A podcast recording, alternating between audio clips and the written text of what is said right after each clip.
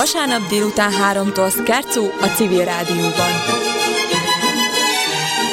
A muzsika művelőivel, a film és az irodalom alkotóival beszélget Bara Péter a Civil Rádió Szkercó című műsorában.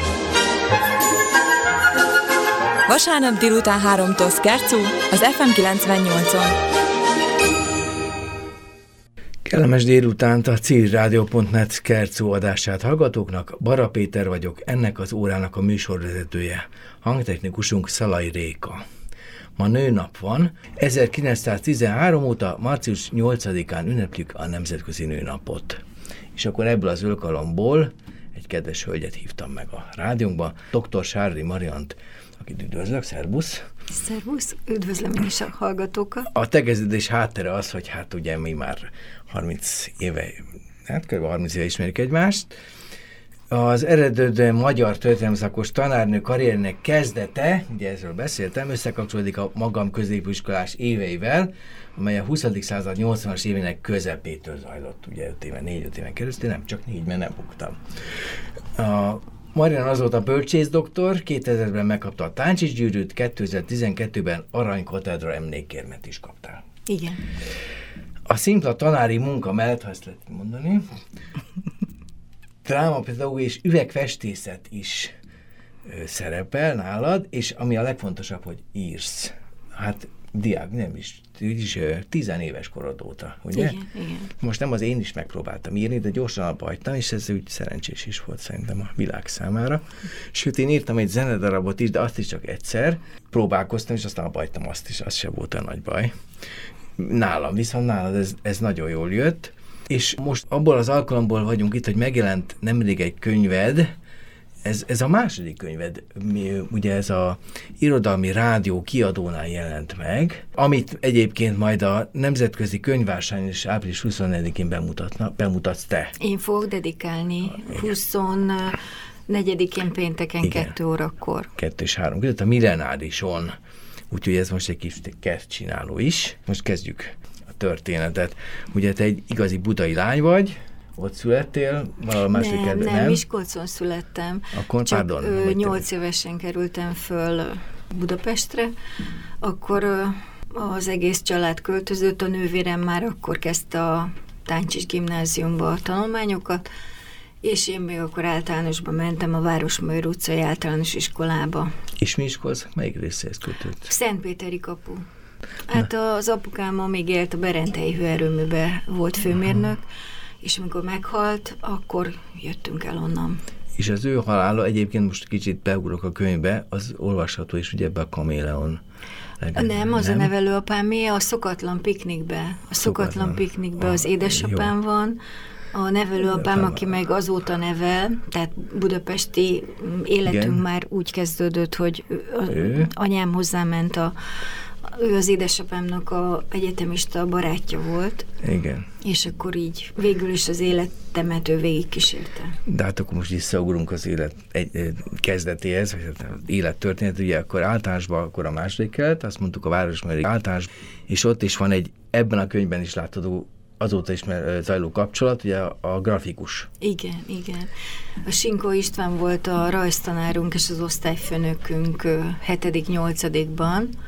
Akkor volt kezdő tanár, de hát nagyon szerettük, mert iszonyú jó pofa volt, okos is volt, meg rajzot is nagyon újszerű módszerekkel tanította, és aztán itt önnen megmaradt a kapcsolat, és ő elvállalt, hogy 93-ban a Szilánkok kis verses füzetet ő illusztrálta, és azok az illusztrációk kerültek ebbe a könyvbe is A bele. számra az első kiadás, ugye ez a Szilánkok 2.0, ami most jelent Igen, meg, ez az igen. 1.0. Az volt az, volt, 1.0. És az mi az, hogy magán, hogy te finanszíroztad a kiadást? igen, igen, az egy abszolút ö, saját kezdeményezés volt, ö, én kerestem hozzá nyomdást, ö, és az nem volt könyv, az csak olyan fűzött volt. Megvan, igen. Az csak ilyen kis zseb, zsebbe beférhető És a kis- Margit utcában volt a bemutató. Igen, igen, a Balasi könyvesboltban volt a bemutatója. Emlékszem. Akkor ö, utána folytatódott a, a középiskola Táncsics, Igen. ahol aztán mind dolgoztam. Ma is ott dolgozol egyébként. ugye? Igen, Hiszem. most Budai Középiskolának Jó. hívják, de jogelőd intézménye Igen. az a Táncsics volt. És aztán volt, a, nem elhanyagolt az egyetemi évek, Igen.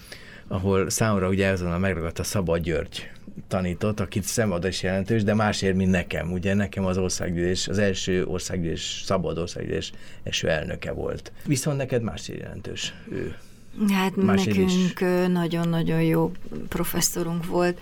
Reformkor tanított, szabadságharcot, kiegyezést, és akkor uh, vizsgáztunk nála, amikor meglátta az indexembe az anyámnak a nevét, hogy Meszleny Mária, és akkor megkérdezte, hogy nincs-e kedvem a Meszleny családról írni, családtörténeti kutatások után egy uh, szakdolgozatot, és akkor először nemet mondtam, hogy á, nem én a dráma felé tendálok, és aztán másnap meggondoltam, visszamentem, és akkor elmondta, hogy menjél a Fehérvári levéltárból, kutassál, fél évig jártunk egy csoportársammal, aki az űrményieket kutatta, és onnan van ez a kapcsolat, hogy ő azért opponensként segítette a munkámat. És ebből doktoráltál. Igen, igen, igen. Na, de még nem tartunk a doktorátusnál, hanem elvégezted az egyetemet, és akkor a Rákóczi gimnáziumon én is voltam, oda jöttél először tanul, tanítani. és akkor hát ugye nem voltál sokkal idősebb, mint mi. Hát jó, egész pontosan 8 évvel. 8. 7, 7 évvel vagy 8 okay, igen. Valahogy úgy, És igen. akkor mindjárt volt egy kis konfliktus ott a bejáratnál.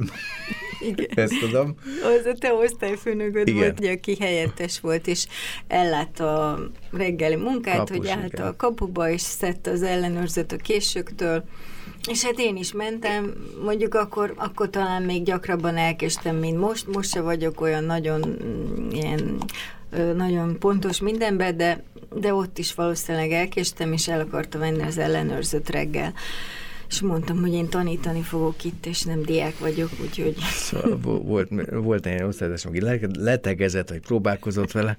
Igen. Erre is emlékszem. És akkor megérkezett az első óra, és akkor itt jött vele egy emléke, amiről beszéltem is már, hogy ugye a, a Jánszferáknak van egy film, az általános iskola, és abban az van, hogy a diák az egy fióosztályról szól, a háború a felszólás utáni Csehszlovákia, és a fióosztály kikészít három-négy tanárnőt, mire megkapja azt a tanárt, egy férfi tanárt, aki aztán teljesen rendet vág, de még nem zigorról, hanem a személyiségével, és ez történt nálunk veled.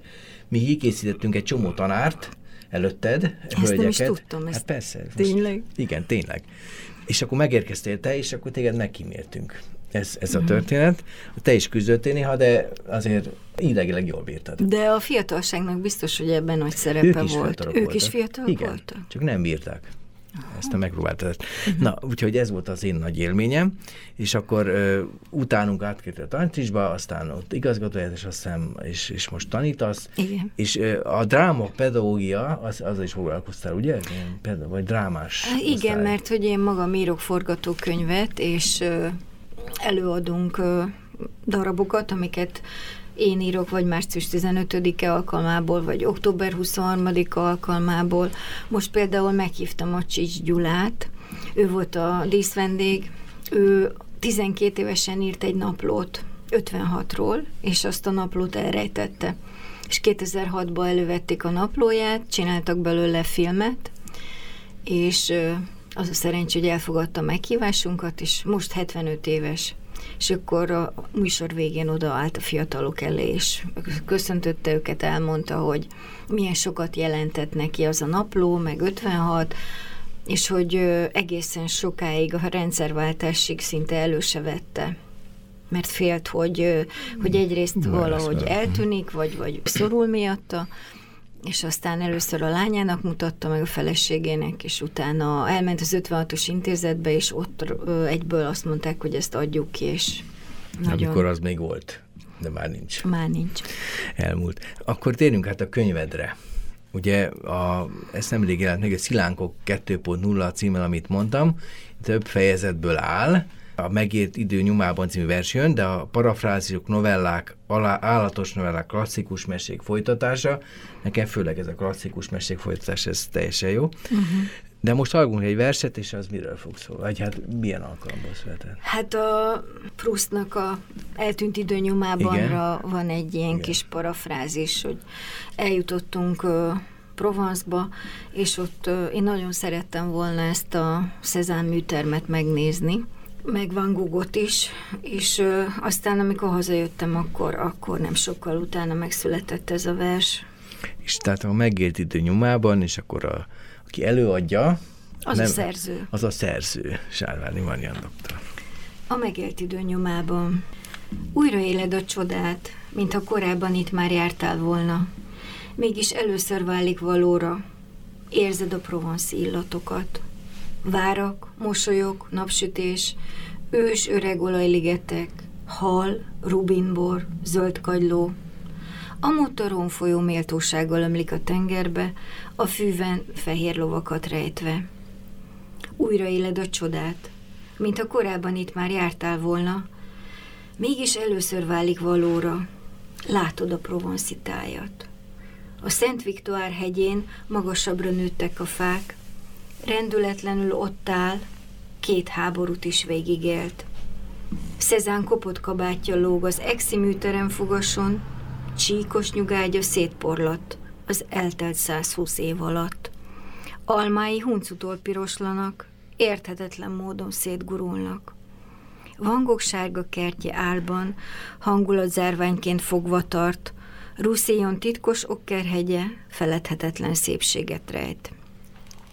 Avignon kopogós kis kőhídja, felcsendül az énekórák dala, áll a híd, táncot járnak Avignonban. Eszembe jut Szimbád barna hídja, én már gyerekkorom óta tudtam, a mesék egy régi városban laknak. Sur le pont d'Avignon, on y danse, on y danse. Sur le pont d'Avignon, Beszéljünk a könyvedről akkor most. Beszéljünk. Ebben vannak novellák, állatos novellák, parafrázisuk. A klasszikus mesék folytatása az, ami engem teljesen oda voltam érte. A Jancsi Zsuliska tovább, ugye János és Júlia. Abban van azt hiszem, hogy elviszik aztán az apukát a Lorelei sziklához, abban van, igen. Egy, egy, egy nagyon komoly történet. És ez hogy jutott el hozzád? Ez az ötlet? Hát voltam ott, voltam a Rajna völgyében, és az nekem nagyon tetszett. Ott van egy bronzszobor, amelyik a Lorelei-t ábrázolja, és ez úgy megmaradt. És aztán a, a Lorelei legendának pedig utána olvastam, hogy ez mi is, és akkor azt beleszőttem a mesébe. És van itt egy másik könyve, a, vagy novella, a Kaméleon, hmm. hogy megjósolják a, a halált. A, a, igen, és akkor annak van valami esetleg önéletrajzi vonása, vagy valóság alapja? Az csak a valóság alapja az, hogy nem sokkal azelőtt halt meg a nevelőapám egy hosszas szenvedés után, és valahogy az anyám meg hirtelenül halt meg, és ez úgy adta, hogy az egyiknek nem fogja jelezni, a másiknak megjelzi, hogy, hogy hát meghal és hosszasan szenved. És ez olyan fura, hogy mi jut osztályrészünk, hogy szenvedve halunk meg, vagy pedig hirtelen pillanat tört része alatt. És van egy másik novella ugyancsak, a, a Marie. Karácsonya. Igen, ahogy ő, mint a végén kiderül, a, a poént most elárulom, hogy ez egy szobor. Igen. És akkor ez hogy adott el? Hát egyrészt a Pigmalion az, az egy nagyon kedves mitológiai történetem, és hát ott van, hogy életre kelti Afrodité a, a ciprisi király beleszeret a általa faragott szoborba, és hát itt azért nem adatik meg Márinak, hogy, hogy életre keljen, de a vágyakozás szintjén ez, ez úgy szobornak nagyon illet. A verseidet olvasni, ugye ez volt a könyvnek a mondjuk második, harmadik része, szóval nem az eleje. Az elején vannak, a, vagy az első részben van két tömbben is a versek. És hát ezek nyilván idő, időrendben vannak, ezek a versek? Igen, ott az elején az a 93-as szilánkok, ott még nagyon rövid verseket írtam, de vállalható, mert most, amikor kiválogattam, akkor mindent beleválogattam. És ahhoz készült az a 21 néhány illusztráció Sinkó Istvántól, akiről beszéltünk viszont. Igen, igen. Ugye hát ezek a versek, ugye, hogy is mondjam csak, szóval viszonylag számra bus, busabbak. Igen. Ezt jól éreztem? De Jó. volt, volt találtam benne, ami úgy... Hát egy szeretlek, az igen. Az. igen. Na. És ezt sokan mondták, hogy milyen jó, hogy ez benne van. Valószínűleg akkor, akkor úgy éreztem, hogy boldogan nem lehet verset írni. Azóta ez már úgy megváltozott, de de igen. Volt, volt egy ilyen fura korszak, és ebből kifolyólag sokkal szürreálisabbak is a versek, mint a későbbiek, amelyek hosszabbak, és valahogy megélt élményen alapulnak. Itt meg fikció is van benne, és, és eléggé elragaszkodik a valóságtól. A parafrázisokról akartam beszélni, és József Attiláról. Ugye most nem sokára is egy József Attila verset fogunk felolvasni, és te őt egy, azt, mert hogy volt egy könyvbemutató, amin részt vettem, és ott beszéltél arról, hogy mennyire jelentős költőnek tartod őt. Igen. Mennyire jelentős költőnek tartod őt? Hát még most is, pedig azért jönnek a kortás költők, és azért nagyon sok jó kortás költő van. Például te is.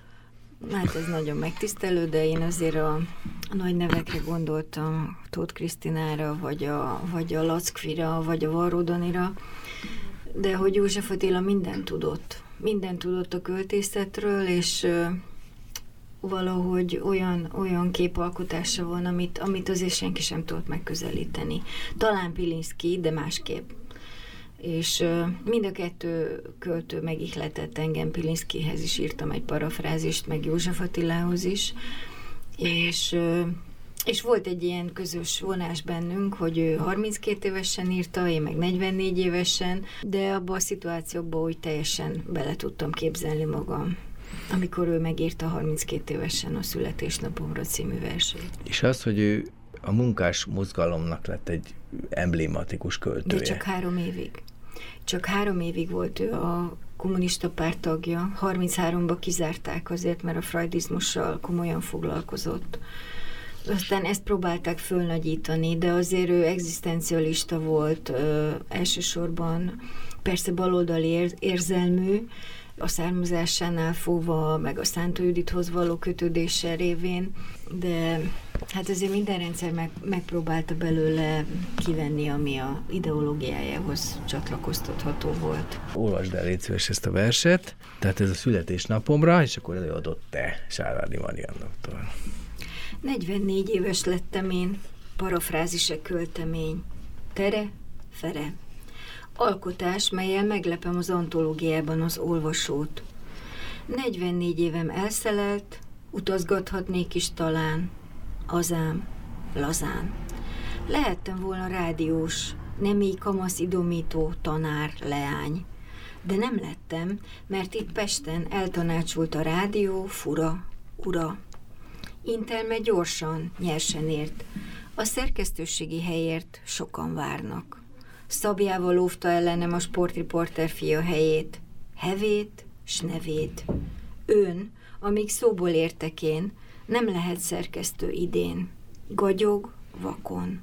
Ha örül a szerkesztő úr, hogy lányunk nem műsor tanul, sekély, ekély. Én osztályaimat fogom jó középiskolás fokon. Tani, tani.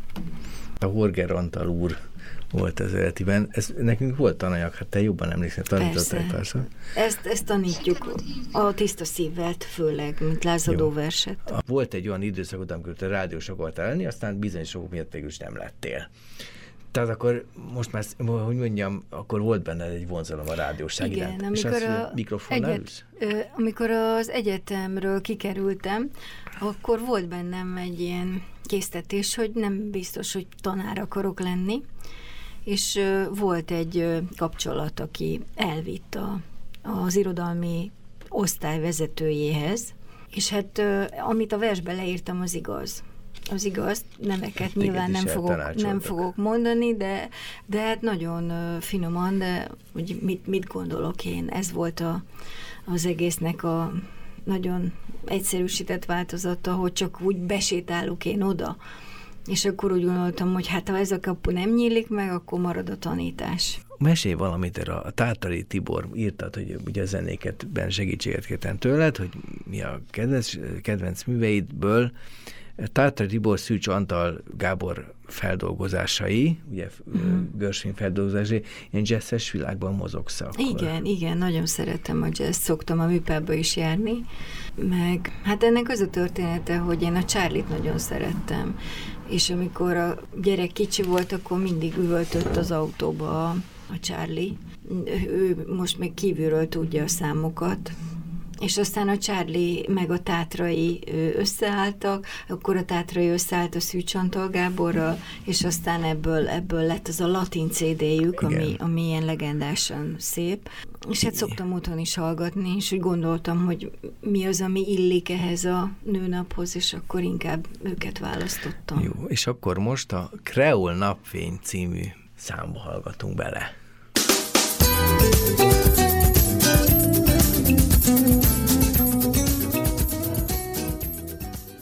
Folytatjuk a beszélgetést Sárvári Marian doktorral, a nemrég megjelent könyvét, Szilánkok 2.0, és ugye ebben, ugye ez egy verses és novellás kötet, és ebben van egy vers, sok vers van, de ami engem különösen megfolt, az Élni jó című vers, ami hát ugye számomra nagyon pozitív, esetleg felolvasnád? Igen, igen.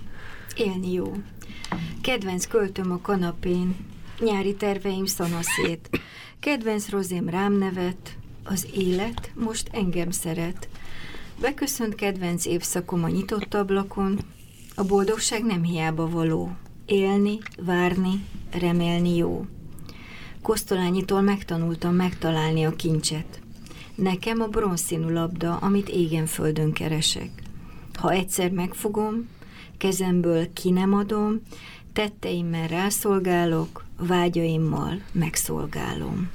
És azért is kértelek, hogy ezt olvassuk föl, mert hogy ez, ez számomra egy, ugye az elején, a műsor elején arról beszéltünk, hogy hát vannak a verseidnek egy része, ami az én benyomásom szerint nem volt olyan nagyon vidám. Ez viszont egy pozitív kisugárású ez, de ebben nem biztos, hogy egyetértünk. Abban igen, hogy ez egy pozitív, csak hogy minden olyan sötétlen, de nem. Hát nem, mert az embernek vannak azért nehéz időszakai, vannak rossz élmények, traumák, amiket föl kell dolgozni, és akkor amíg azt nem tudja feldolgozni, addig, addig nyilván ilyen felhőtlen, könnyed verseket sem tud írni. Úgyhogy azért ez az első időben olyan 10-10 évig az egy olyan nyomasztó. Az első idő az, a, az honnan van? Hát azt inkább a, a 90-es évek 90-es évek. Egyrésztről nagyon nagy élmény volt megélni azt a rendszerváltást, meg, meg fiatal felnőttként gyereket nevelni, Másrésztről meg azért voltak nehézségek, úgyhogy az képeződik le sokszor a versekben. Kicsit más, erről nem is beszéltünk annyit, ha festészeted, ugye mondtad, illetve hát olvastam, hogy te üvegre Igen. festesz, ez, ez már, ez is a művészet egy része. Sőt, Igen, ami... 2000-ben kezdődött, amikor elkezdtem venni üvegfestéket, és kitaláltam motivumokat, aztán tudatosan kezdtem keresni. És elmentem a Rót Miksa emlékmúzeumba, onnan hoztam egy ilyen foglalkoztató könyvet, akkor onnan vannak Rót Miksa mintáim, és a gimnáziumban a szecesszióhoz kapcsolva csináltam már ilyen projektet, hogy a gyerekek maguk is festettek, és akkor behozták, kiállítást készítettünk. Úgyhogy sikerült őket is belelkesíteni. Akkor te az általánosban is, meg a is jóra ezt jegyeket érezheti ország. Hogy Jó, lehet, lehet. Mert engem valószínűleg nem kapott volna így a szemödé. Most viszont ö, ö, szeretnék még két novellát meghallgatni tőled. Az egyik legyen a, a Kőbad az olajfák hegyén egy kis előzmény.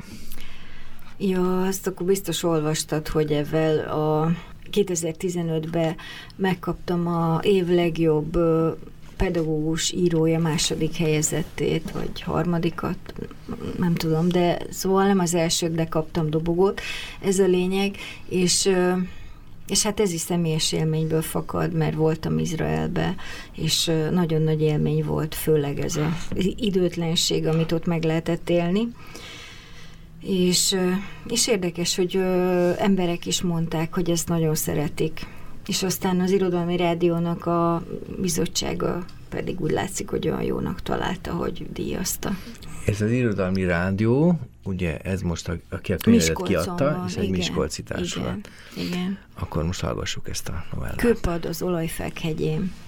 Lágyon tűzött a délutáni napfény, a Jeruzsálem körüli hegytetők fölött lehetett látni a vonuló gólyákat.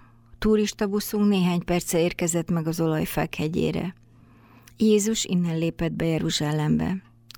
Miután megcsodáltuk a lábaink előtt heverő óvárost, a sziklamecset aranyló kupoláját, nagy várakozással indultunk a Gecsemáni kert kacsoringos törzsi olajfái közé. A 21. század zaja kintrekedt az úton, a több száz éves fák között semmi nem emlékeztetett a mára. Eluralkodott a nyugalom, a fények vibráltak, a szél halkan susogott, ahogy megérintette az olajfák leveleit. Itt a kertben, a minden nemzetek temploma közelében találtam meg Krisztust. Hosszú ideje ülhetett már a kőpadon. Nem mertem oda menni, messziről próbáltam felfogni a jeleket, amiket kisugárzott. Hogy lehet, hogy ő azóta itt ül? Milyen szerencsém van, hogy lemaradtam a csoporttól. A többiek az idegenvezető harsány előadásában részesülnek, én pedig egyé válok az idővel. Először csak Pilinszki jutok vissza. Ott könyököl még a széles csillagokon, és nem érti az emberi beszédet. Mit is akart megkérdezni? Aztán mire is várakozott Zsida Jenő nagy csütörtökön a kocsárdi váróteremben? Talán most kellene ezeket a kérdéseket föltenni. Itt a nagy alkalom. Összerezzentem a madarak hangos csivitelésére. A verebek univerzálisak, mindenütt megtalálhatók, és mindig a legéletre valóbbak. Sőt, itt még talán egy kis színesek is.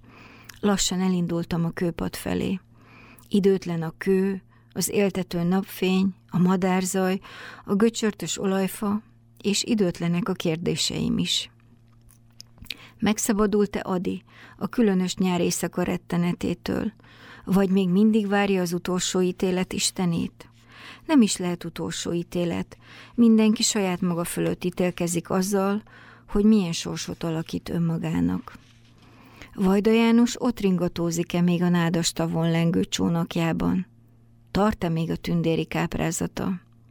Nekem igen, pedig még néhány lépés van hátra. Először elérem a kőpadot, megfogom. Ez tényleg itt van. Felemeli tekintetét Krisztus, bátorítóan rám néz. Nem int, csak néz. Hova tűnt a nagy magabiztosságom? Vajon hányan zaklatják őt itt nap, mint nap? Bátortalanul leülök mellé, megszólalni azonban nem merek. Attól félek, akkor kizökkenek ebből a felfoghatatlan élményből. Na tessék, kérdez mindenki helyet, biztatom magam. Mi vár ránk a halál után?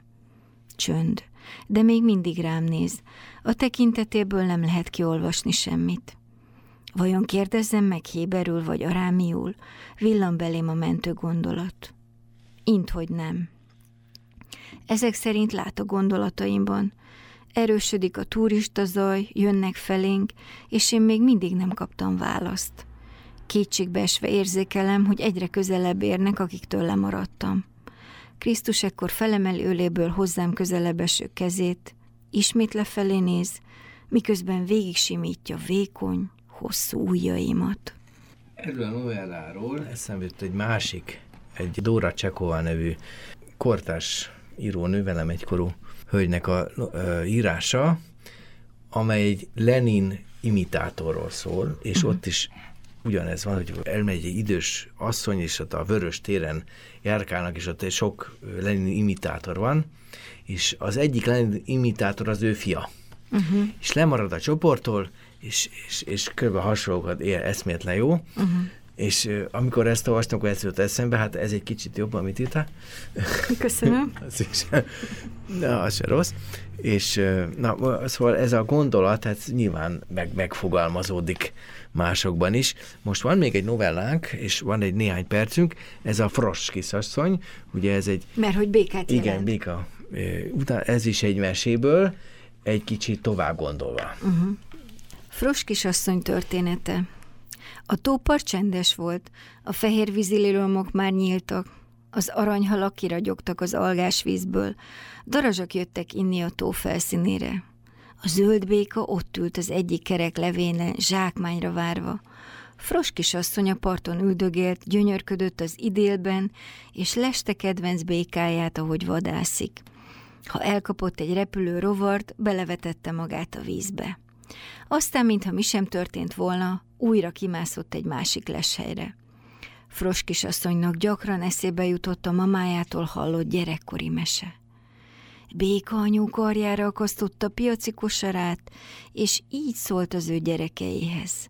Maxika, Kloxika, meg a tuhútom, jók legyetek, hozok nektek hízott darást, szúnyogvesét, hozok nektektek.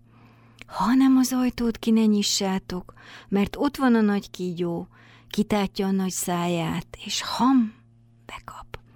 Hányszor mesélte ezt nekik a mamájuk? Fros kisasszony így merengett éppen, amikor csodát zöld békája hirtelen megszólította. Miért búslakodsz, kedves? Te tudsz beszélni? Igen, mást is tudok. Régóta figyellek már itt a tóparton. Kivele látom, hogy bánt valami elég hosszú idő óta. Nem találom a páromat. Szeretnék már családot, de valamiért nem sikerül. Apámtól tanultam egy varázsigét. Azt mondta, egyszer az életben használhatom. Ha úgy látom, hogy valakin segíteni tudok vele, te olyan szép vagy, megérdemled, hogy sikerülhessen. Ezzel felfújta magát, hangosan és ütemesen brekegni kezdett, egyre csak nőtt, növekedett, majd megrázta magát, és kilépett a tó partjára. Fros kisasszonynak leesett az álla, mivel egy mosolygós, jóképű fiatalember nézett vissza rá. Hát ezt hogy csináltad?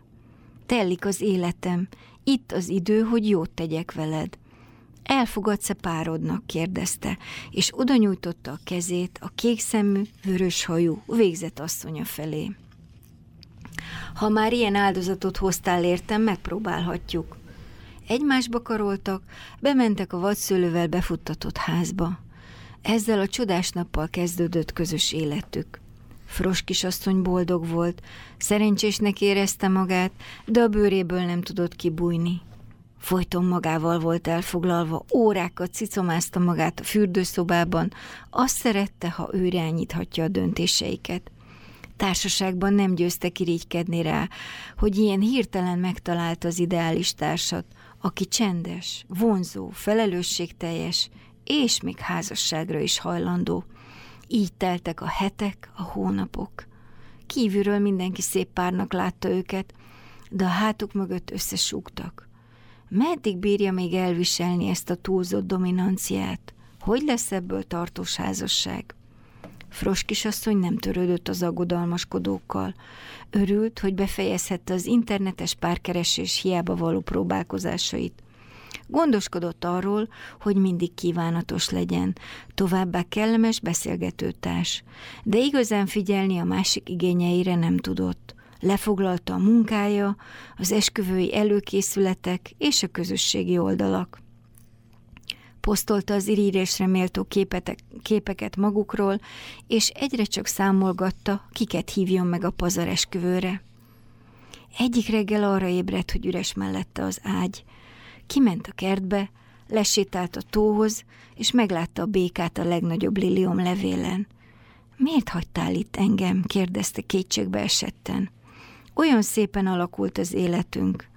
A béka büszkén elfordította a fejét. Hogy tudnálak kiengesztelni?